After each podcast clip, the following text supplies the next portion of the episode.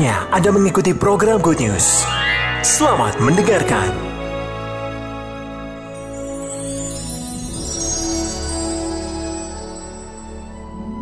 Selamat tahun baru dulu ya, selamat tahun baru. Ya, tahun baru ya, Bapak Gembala Senior berkata, jangan lagi pakai bajumu yang lama.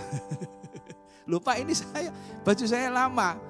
Maksudnya itu baju ini loh rohani kita itu ya kita kita mau pakai baju yang baru. Kita mau pakai kebiasaan yang baru. Amin. Di tahun yang baru kita percaya bahwa nama Tuhan akan dipermuliakan melalui kehidupan kita. Amin. Katakan kiri kananmu selamat tahun baru, tetap sehat, semangat dan sukacita.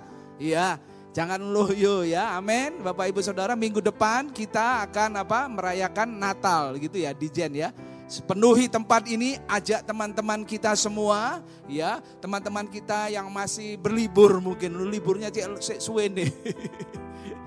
ya, ya ajak mereka untuk kembali lagi beribadah secara onsite. Karena saya percaya ketika kita beribadah secara onsite di situ hadirat Tuhan dan hadirat Tuhan akan memberkati setiap kita yang percaya katakan amin dan berikan kemuliaan bagi Allah kita. Amin. Nah, bab eh, adik-adik, uh, saya ngomongnya apa ya? Ya saudara-saudara gitu ya. Sesuai dengan tema yang diberikan kepada saya terambil dari Roma 12 ayat 3 sampai 8 ya. Itu berbicara tentang karunia ya, different gift. Jadi karunia, karunia itu berbeda-beda. Tetapi semuanya itu diberikan Tuhan kepada setiap kita, tujuannya hanya satu, untuk membangun tubuh Kristus. Katakan bersama-sama, membangun tubuh Kristus. Memperlengkapi setiap kita dengan setiap karunia-karunia yang ada untuk membangun tubuh Kristus. Itu sebabnya gereja ini terbuka. Semua pelayanan yang ada dalam gereja ini terbuka untuk saudara-saudara semua. Itu sebabnya setiap kita yang sudah dibaptis, sudah mengalami kelahiran baru harus melayani Tuhan. Amin. Ini nggak ada, nggak ada yang amin harus melayani Tuhan. Lupa nanti kan semua di sini. Enggak, pelayanan itu enggak hanya di panggung. Halo. Pelayanan itu di mana? Nah, kita akan belajar. Amin. Kita akan belajar hal itu. Yuk, kita baca dari Roma 12. Saya mulai dari ayat 3. Roma 12 ayat 3 sampai 8. Kita baca bersama-sama 3 2 1. Berdasarkan apa? Kasih karunia yang dianugerahkannya kepadaku Aku berkata kepada setiap orang di antara kamu, janganlah kamu apa? memikirkan hal-hal yang lebih tinggi dari daripada yang patut kamu pikirkan, tetapi hendaklah kamu berpikir begitu rupa sehingga kamu menguasai diri menurut ukuran iman. Nah, perhatikan di situ. Menurut ukuran iman yang dikaruniakan Allah kepada siapa? Kepada kamu masing-masing. Jadi setiap kita ini ternyata ada ukuran imannya. Jadi itu yang harus kita menguasai diri kita dengan ukuran iman kita. Paulus ingin mengajak supaya kita ini saling merendahkan diri satu dengan yang lainnya. Amin. Empat. Sebab sama seperti pada satu tubuh, jadi satu tubuh, satu tubuh kita mempunyai banyak apa? anggota. Ada tangan, ada kaki, ada mata, ada apa lagi? Ada ada hidung, ada mulut. Nah, itu ada banyak anggota ya. Tetapi tidak semua, nah ini, tidak semua anggota itu mempunyai tugas yang sama. Nah, bisa ya? Paham ya? Jadi tidak semua, jadi tubuh kita ini memang banyak anggota, tapi bukan tangan semua atau bukan kaki semua. Ada macam-macam tapi mempunyai tugas ya. Semua anggota ini mempunyai tugas yang sama, yaitu apa? Supaya tubuh ini dapat bergerak, dapat melakukan aktivitas, dapat mengerjakan segala sesuatu melalui anggota-anggota tubuh. Nah, lima, demikian juga kita. Nah, ini langsung di di, dikontraskan dengan gereja. Walaupun demikian juga kita merujuk pada jemaat di Roma, walaupun banyak adalah satu tubuh di dalam Kristus. Tetapi kita masing-masing adalah apa? Anggota seorang terhadap yang lain. Maksudnya itu walaupun semuanya berbeda, tetapi kita ini satu tubuh. Kita ini masing-masing adalah anggota seorang terhadap yang lain. Jadi kita ini saling melengkapi. Betul ya? Saling melengkapi. 6, next. Demikianlah kita mempunyai apa? Karunia yang berlainan. Nah, ini ini perlu kita perhatikan. Ini ini ini topik kita pada hari ini. Karunia yang berlainan menurut kasih karunia yang dianugerahkan kepada setiap kita. Jadi itu bukan hasil usahamu, bukan hasil pekerjaanmu, tapi itu diberikan. Katakan diberikan. Give gift itu diberikan dengan cuma-cuma. Kapan? Pada saat engkau bertobat, saat engkau terima Yesus sebagai juru selamat, engkau dibaptis selam dan engkau terima Roh Kudus, maka karunia-karunia itu diberikan kepada setiap kita. Dan karunia itu beda-beda, tidak sama, ya. Ya, karunia yang dianugerahkan kepada kita jika karunia itu adalah nah ini yang pertama bernubuat Baiklah apa? Baca bersama-sama. Kita melakukannya sesuai dengan iman kita. Jika yang kedua, karunia untuk melayani. Baiklah apa? Kita melayani, ya. Terus, yang ketiga, jika karunia untuk mengajar, baiklah apa? Kita mengajar. Yang keempat, jika karunia untuk menasehati, baiklah kita menasehati. Yang kelima, siapa yang membagi-bagikan sesuatu, hendaklah ia melakukannya dengan hati yang ikhlas. Siapa yang memberi pimpinan, yang keenam, hendaklah apa? Ia melakukannya dengan rajin. Siapa yang menunjukkan kemurahan, itu kemurahan hati ya, hendaklah ia melakukannya dengan sukacita. Berbahagia Bapak Ibu Saudara, saudara-saudara yang mendengar firman Tuhan, terlebih lagi melakukan firman Tuhan. Nah, jadi kalau kita lihat perikop ini secara keseluruhan, kitab Roma itu ditulis oleh Paulus kepada jemaat di di Roma, ya. Di Roma. Jadi pasal 1 sampai 11 itu isinya adalah dasar-dasar kekristenan, ya.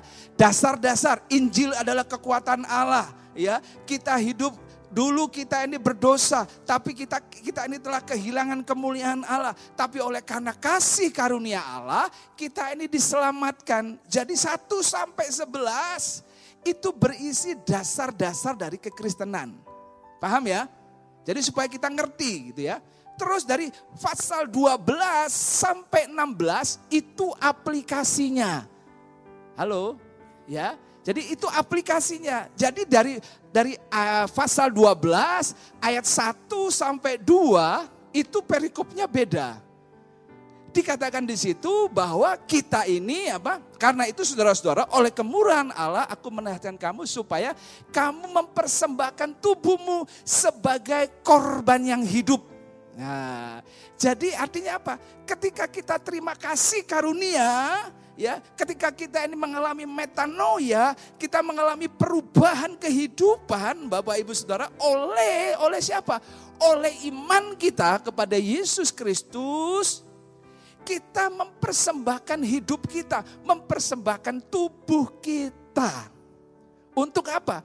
Untuk melayani Tuhan sebagai persembahan yang hidup, yang kudus dan yang berkenan kepada Allah. Dikatakan, dikatakan, dikatakan di situ itulah ibadahmu yang sejati. Ayat 2-nya ditegaskan, janganlah kamu menjadi serupa dengan dunia ini. Karena kita ini sudah terima anugerah secara cuma-cuma. Kita diberikan anugerah kasih karunia grace itu secara cuma-cuma melalui pengorbanan Yesus di atas kayu salib supaya setiap kita menjadi anak-anak orang-orang yang diselamatkan. Menjadi murid-murid Kristus. Amin. Jadi itu, jadi setelah itu tidak sampai di situ. Setelah kita mengalami pertobatan, mengalami metanoia, dulu tadinya kita menuju kebinasaan, tapi kemudian kita berbalik 180 derajat, kita menuju kepada apa? Kepada kemuliaan Allah. Nah, tidak cukup sampai di situ. Keselamatan itu harus kita apa? Kerjakan. Katakan bersama-sama, kerjakan. Jadi saya mau di awal tahun 2024 ini kita semakin ngerti. Jadi kita ini tidak mengulang kehidupan kita dari tahun ke tahun sama saja. Pancetai, wah wong iku pancetai. Tahun lalu telatan, saiki tambah gak tahu teko. di sini nggak ada. nggak ada yang ngaku. Tapi harus ada perubahan. Amin. Jadi itu sebabnya saya mau di tahun 2024. Engkau yang masih di rumah, jangan lupa minggu depan datang ke sini. Ada Natal, acara Natal ya. Datang ke sini.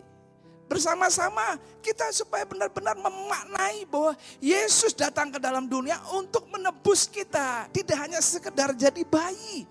Tapi dia punya tujuan. Itu sebabnya setiap kita juga hidup harus punya tujuan. Katakan amin.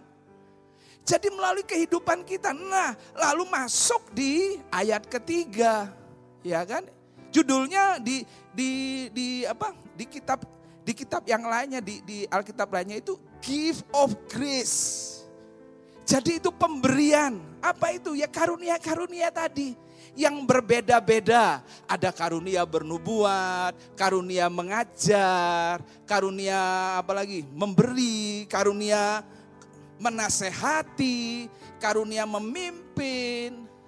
Jadi ada tujuh karunia yang yang Paulus katakan kepada kepada kepada jemaatnya yang ada di Roma itu harus dikerjakan menurut imanmu, ukuran imanmu. Jadi jangan sampai kita yang punya karunia. Jadi ingat ya, ada lima, dua, satu ya. Tuhan kasih kita talenta, kemampuan itu harus kita kerjakan. Jangan sampai lupa saya enggak bisa apa-apa, saya cuma punya satu. Saya bisa apa? Saya, saya cuma hanya bisa, misalnya bisa nyanyi, tapi kemudian enggak, enggak digunakan, dikubur, di, dipendam itu. Saudara salah kita. Itu sebabnya harus dikerjakan itu. Jadi karunia itu ada karunia untuk melayani, karunia Roh Kudus, karunia yang berdasarkan jabatan. Nah kita akan belajar tentang karunia yang untuk melayani melayani. Jadi ini yang dibutuhkan. Jadi tahun 2024 itu secara keseluruhan temanya itu adalah melayani. Katakan bersama-sama melayani. Kita harus jadi murid Kristus. Kita adalah murid Kristus. Katakan kiri kananmu engkau adalah murid Kristus. Ya, kita harus memuridkan orang lain. Jadi kalau kita sudah jadi murid Kristus, kita tidak, oh terima kasih aku sudah selamat. No, harus ada yang kita kerjakan.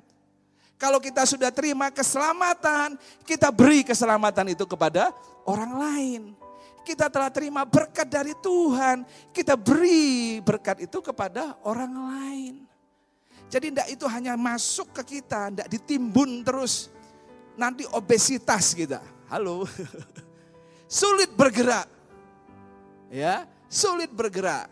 Saya di rumah itu ada anabul ya, anabul itu ya. Itu kakinya sudah kecil ya, jenis pom itu kan kakinya kecil ya. Jadi tapi dia tuh seneng makan. Jadi kadang makanannya temennya itu ya dihabisin. Jadi lama-lama dia obesitas.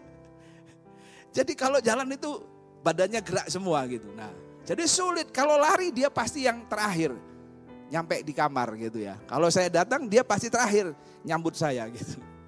Karena obesitas. Nah, jangan sampai kita ini di tahun 2024 kita mengalami obesitas. Obesitas rohani. Kita hanya terima-terima tapi tidak pernah kita salurkan bagi orang lain.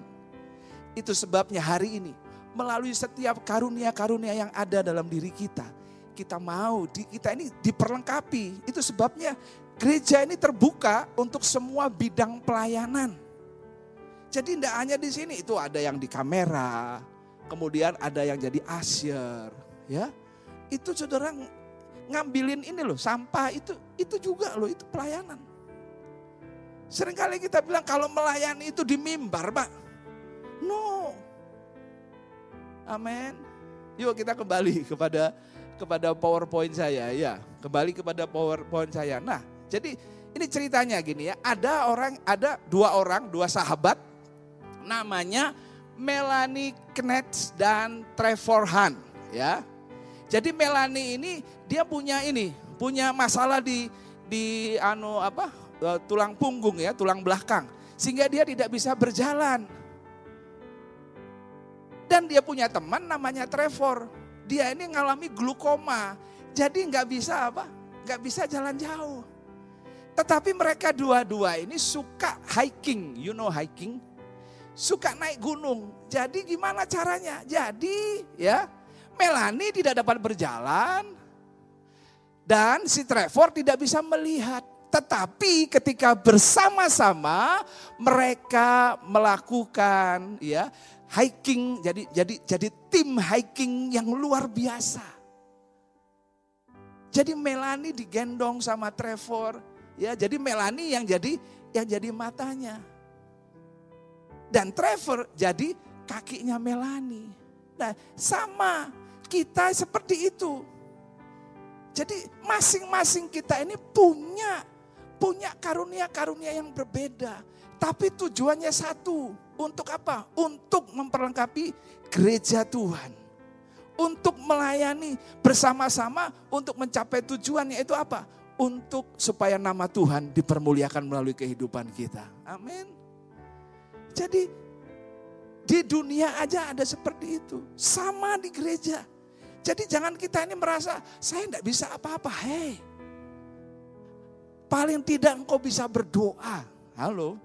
Ya. Jadi next, apa lagi? Next. Sebab sama seperti pada satu tubuh kita mempunyai banyak anggota, tetapi tidak semua anggota itu mempunyai tugas yang sama. Demikian juga kita, walaupun banyak, kita ini adalah satu tubuh di dalam Kristus, tetapi kita masing-masing adalah anggota seorang terhadap yang lain. Jadi kita ini saling membutuhkan. Amin. Lalu apa? Pertanyaannya apa? Jadi pelayanan itu next, saya ini bisa dari sini. Nah, jadi Bapak Ibu Saudara, kita ini sudah terima kasih karunia ya atau karis itu atau grace diberikan secara cuma-cuma. Tapi itu bukan barang murahan, tetapi keselamatan melalui Kristus, melalui iman kita kepada Kristus kita diselamatkan bukan karena perbuatan baik kita. Amin. Jadi ini dasar sekali. Jadi supaya kita mengerti bahwa oh ternyata melayani itu seperti itu. Tidak hanya di mimbar sini tetapi ada banyak pelayanan yang bisa kita lakukan. Kita melakukannya bukan karena bukan karena disuruh, bukan karena tugas, bukan karena kewajiban, tetapi karena ucapan syukur kita karena kita sudah terima anugerah itu secara cuma-cuma, terima kasih karunia itu secara cuma-cuma, terima karunia-karunia itu secara cuma-cuma, itu harus kita berikan juga secara cuma-cuma. Jadi jangan sampai ada yang melayani Tuhan, atau dia bilang, aduh saya nggak nggak punya apa-apa, saya enggak. Enggak, setiap kita pasti ada. Hanya kita aja nggak tahu. Mungkin bisa satu saat bisa ada tes karunia begitu ya. Bisa bisa kita kita lakukan nanti. Supaya kita ngerti, supaya supaya kita ini jelas jalannya itu. Iya, next apa tadi? Nah, jadi ada tujuh karunia, kita kita sebut bersama-sama. Satu karunia bernubuat. Ya jadi bernubuat. Jadi bernubuat itu dari dari Roh Kudus. Bukan kita buat-buat. Kalau kita buat-buat itu bukan nubuat tetapi apa? Lu buat. Ya ada karunia melayani. Nah ini karunia melayani. Ini karunia Marta dia melayani, dia sukanya melayani. Aduh, ada pembicara, dia kasih, dia bawain kue buat pembicara, ya ada apa? Dia oh, mari Pak saya antar. Dia dia karunianya itu melayani. Jadi ini karunia-karunia. Ada karunia mengajar. Nah ini yang karunia kalau bisa mengajar kita mengajar nggak apa-apa. Di MK-MK, ada gembala-gembala MK. Dia pasti punya karunia mengajar itu. Karunia menasehati. Nah ini ya, itu ada di Koko Chandra, di Om Chandra. Kalau kita dinasehati oleh Om Chandra, hati-hati kita. Kita bisa langsung kutuk, you know kutuk. Iya kok, iya kok, ya, ya, ya, ya, ya kak, ya kak gitu. Dinasehati. Nah ada karunia membagi-bagikan. Jadi dia dia punya sesuatu dia bagikan. Ini karunia, karunia membagikan gitu ya. Punya satu permen dikasih, kamu mau permen? Udah mau di ini, eh, buat kamu aja. Nah itu karunia membagi-bagikan. Ya, karunia membagi-bagikan kue, nggak ada di sini. Karunia memimpin. Nah, ini karunia memimpin. Setiap kita itu punya jiwa pemimpin seharusnya ya. Jadi kita ini punya ini karunia memimpin. Terus ada karunia kemurahan ya. Ini ini berbicara tentang tentang ini masalah hati, hati yang tulus, kemurahan ya. Jadi kemurahan itu jadi orang itu mudah belas kasihan, penuh dengan belas kasihan. Itu karunia kemurahan. Jadi tujuh karunia. Nah, Coba dilihat tujuh karunia itu, saya kira-kira di mana ya? Gitu. Saya kira-kira di mana? Ini belum masuk di karunia rohani, karunia sesuai dengan jabatan. Jadi belum. Jadi dari sini dulu aja. Ya, saudara-saudara bisa lihat saya ini ada di mana ya. Nah sekarang pertanyaannya adalah bukan masalah teknis pelayanan, tetapi sikap hati kita dalam melayani Tuhan sesuai dengan karunia-karunia yang ada dalam diri setiap kita. Jadi hakikatnya kalau kita sudah ngerti, kita harus melayani Tuhan dengan karunia-karunia yang kita punya. Lalu apa yang harus kita lakukan? Hakikatnya ini kita melayani dan mengasihi Tuhan itu apa? Apakah karena ada dorongan yang lain? Tidak ada, menurut saya nggak ada. Dorongan kita melayani Tuhan semata-mata ucapan syukur kita kepada Tuhan. Karena dia begitu mengasihi kita sehingga dia rela mati bagi setiap kita. Memberikan hidupnya bagi setiap kita. Sehingga kita sekarang disebut sebagai anak-anaknya. Sebagai ahli warisnya. Sebagai sahabatnya. Amin. Ya, Jadi bukan masalah itu tapi bagaimana sikap hati kita jadi kalau kita punya, oh saya punya karunia memimpin pak, saya punya karunia melayani, saya punya karunia menasehati, bersyukur. Jangan kemudian kita apa? Tinggi hati. Makanya di ayat 3 dikatakan, hati-hati loh ya, ukur dengan imanmu. Jangan sampai kamu memikirkan hal-hal yang lebih tinggi. Itu sebabnya ayo bersama-sama saya dorong kita melayani bersama-sama di tahun 2024 ini dan saya percaya kalau itu kita lakukan Bapak Ibu Saudara, saudara-saudara yang saya kasih, maka saya percaya diaspora sejahtera akan mengalami ledakan-ledakan rohani. Ada banyak jiwa-jiwa yang akan datang ke tempat ini. Jiwa-jiwa khususnya anak-anak muda yang percaya katakan amin.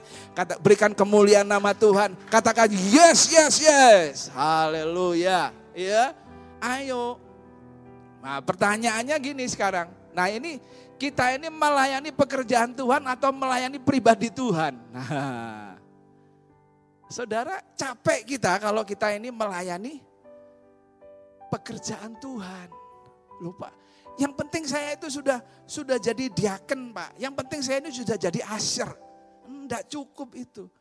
Tapi itu yang mendorong kita ya. Jadi startnya itu, jadi kita memulainya itu karena kita sudah mengasihi Tuhan terlebih dahulu. Amin. Jadi kita ini bukan lagi sekedar melayani pekerjaan Tuhan, tetapi kita percaya ketika kita melayani pekerjaan Tuhan, kita tidak hanya sekedar itu tapi kita sedang melayani pribadi Tuhan Yesus sendiri. Amin. Amin. Tadi siang dalam doa puasa ya Bapak Gembala memberikan uh, apa istilahnya firman yang luar biasa sekali ya. Kita dikatakan tetap fokus. Tetap fokus. Cerita tentang Maria dan Marta ya. Ada dua orang bersaudara Maria dan Marta. Marta begitu apa uh, dia melayani, dia sibuk melayani tapi dia lupa pada hal yang esensi dari pelayanan itu. Ya, kita mau belajar ya dari dari itu kita bahas sedikit ya pelajaran dari Marta. Loh opo opa kok enggak bukan pelajaran dari Maria? Maria kita tahu dia duduk di di bawah kaki Yesus. Tapi sering kali kita ini seperti Marta ya. Marta itu gini dia mengasihi dirinya sendiri ya. Lihat, Marta sibuk sekali melayani. Nah, siapa yang sibuk sekali melayani? Saya angkat tangan. Saya saya bisa jadi saya ini sibuk melayani ya. Tapi saya disadarkan bahwa jangan sampai kita sibuk melayani tapi kita lupa pada esensinya yaitu melayani pribadinya. Bagaimana jam-jam doa kita, bagaimana saat-saat teduh kita itu sangat menentukan. Bukan di apa yang kelihatan itu yang menentukan, tetapi pada saat engkau sendiri, saat engkau saat engkau bersama-sama dengan Tuhan, itu yang sangat menentukan. Ketika engkau dipenuhi berkemenangan, engkau akan melihat kuasa Tuhan bekerja dengan luar biasa. Ya, lihat Marta begitu mengasihi dirinya sendiri. Dia berkata, Tuhan, tidakkah engkau peduli bahwa saudara saudaraku ini apa membiarkan aku melayani seorang diri suruhlah ia membantu aku. Nah, kira-kira kita sering ketemu enggak seperti ini? Atau diri kita pernah enggak ngomong seperti ini? Tuhan, kok aku to'ai? Halo. Seringkali ini kita sibuk sehingga ketika kita ini kita ini sibuk melayani pekerjaan Tuhan, akhirnya bukan fokusnya kepada Tuhan, tapi kita fokusnya kepada orang lain. Kok Kak Kak Febri kok hanya duduk-duduk aja ya, kok enak tenan gitu. Saya ini waduh jemputin, apalagi terus oh di situ jadi apa? Jadi uh, tim traf, traffic uh, tra, traffic traffic management alias tukang parkir. di situ, oh ayo sana sana sana. Oh yang lainnya pakai jas, ya shalom, shalom, shalom, shalom loh. Kok aku di sini? Kita sering kali seperti itu. Saudara, di mana pun kita melayani, kalau kita ini sudah beres, kita ini sudah beres, kita ini tahu bahwa ini melayani Tuhan. Bukan sekedar hanya melayani pekerjaan Tuhan. Kita tidak akan pasti mengeluh. Kita tidak akan lihat orang lain. Kita tidak akan banding-bandingkan dengan orang lain. Kok enak dia ya? Kok enak dia? Halo? Marta dia merasa sendirian dan merasa apa? Berat. Ya, sedang Marta sibuk. Nah, yang yang di katakan saudaraku membiarkan aku melayani seorang diri. Suruhan bantu. Saudara, ketika kita sadar ya, Maria dikatakan di situ dia Maria sudah mengambil bagian yang terbaik. Sibuk sekali melayani, tetapi dengan mata yang bukan tertuju kepada Yesus. Saudara lihat ya, perbedaannya Marta dan Maria. Tapi dia kepada orang lain. Dia hanya melihat loh, kok gak ada yang muji aku ya? Kok gak ada yang, waduh, bagus ya, kamu bagus ya. Waduh, WL-mu luar biasa. Uh, hadirat Tuhan. Wih, ngangkat, nek kamu yang mimpin itu ngangkat. Opo nih yang diangkat.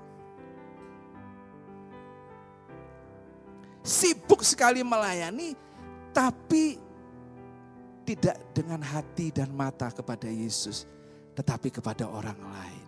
Hati-hati. Biarlah di tahun 2024 kita mau perbaiki cara kita melayani. Ketika kita kita ini melayani pribadi Tuhan, melayani pribadi Yesus, Artinya kita punya waktu-waktu yang kita ini sudah menang dulu. Pelayanan apa pun akibatnya apa? Pelayanan apa pun yang kita kerjakan, kita tidak akan mengeluh. Halo, amin. Saya tiba-tiba, Pak nggak ada yang main bass. Bantu ya main bass. Saya bilang, lu, lu kamu nggak tahu saya.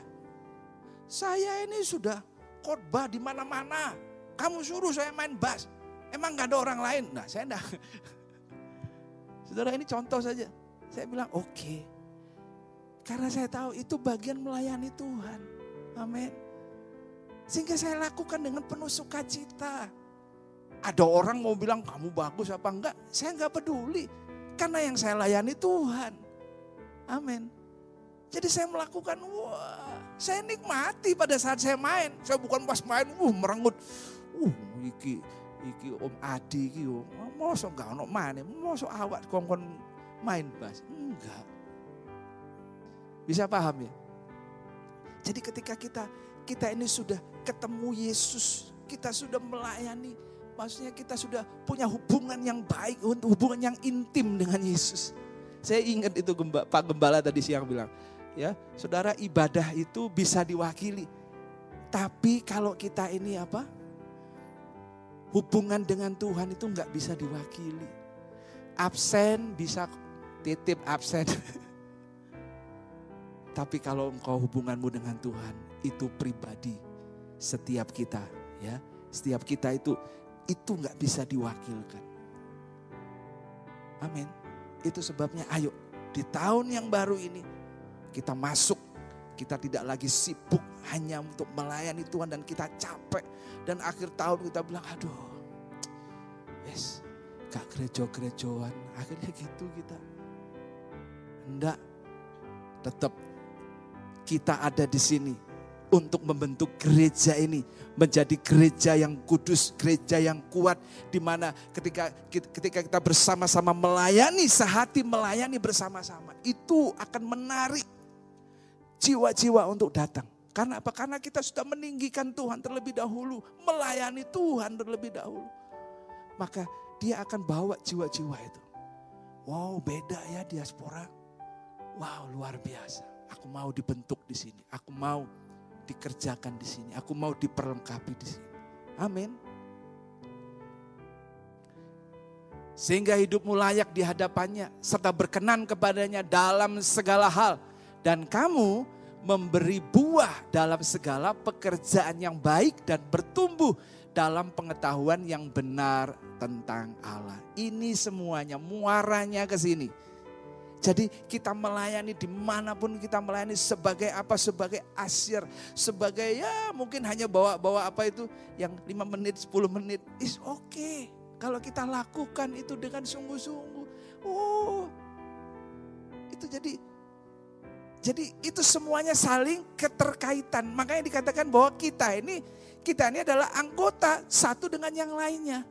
Jadi tidak ada yang lebih. Wah itu wah itu luar biasa dia. Wah. Itu WL senior. Wah luar biasa. Enggak, sama aja. Saya enggak merasa seperti itu. Ya kalian aja yang nyebutnya seperti itu. Biasa aja gitu. Amin.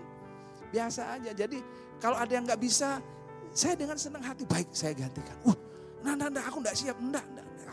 Kapan pun siap. Karena apa? Karena kita sudah sudah punya hubungan yang intim dengan Tuhan. Paham ya? Nah ini, faithful servant never retire. You can retire from your career, tapi engkau tidak pernah berhenti dari melayani Tuhan. Biarlah tahun 2024 kita akan tetap terus setia melayani Tuhan dengan setiap talenta karunia yang Tuhan berikan kepada setiap kita sebagai tanda ucapan syukur kita. Betapa baiknya Tuhan atas kehidupan kita. Sehingga pelayanan apa pun yang diberikan kepada setiap kita. Kita lakukan dengan penuh sukacita. Karena kita bukan melayani pekerjaan Tuhan. Tapi kita sedang melayani pribadi Tuhan. Selamat melayani. Tuhan Yesus memberkati setiap kita. Berikan kemuliaan bagi Allah kita.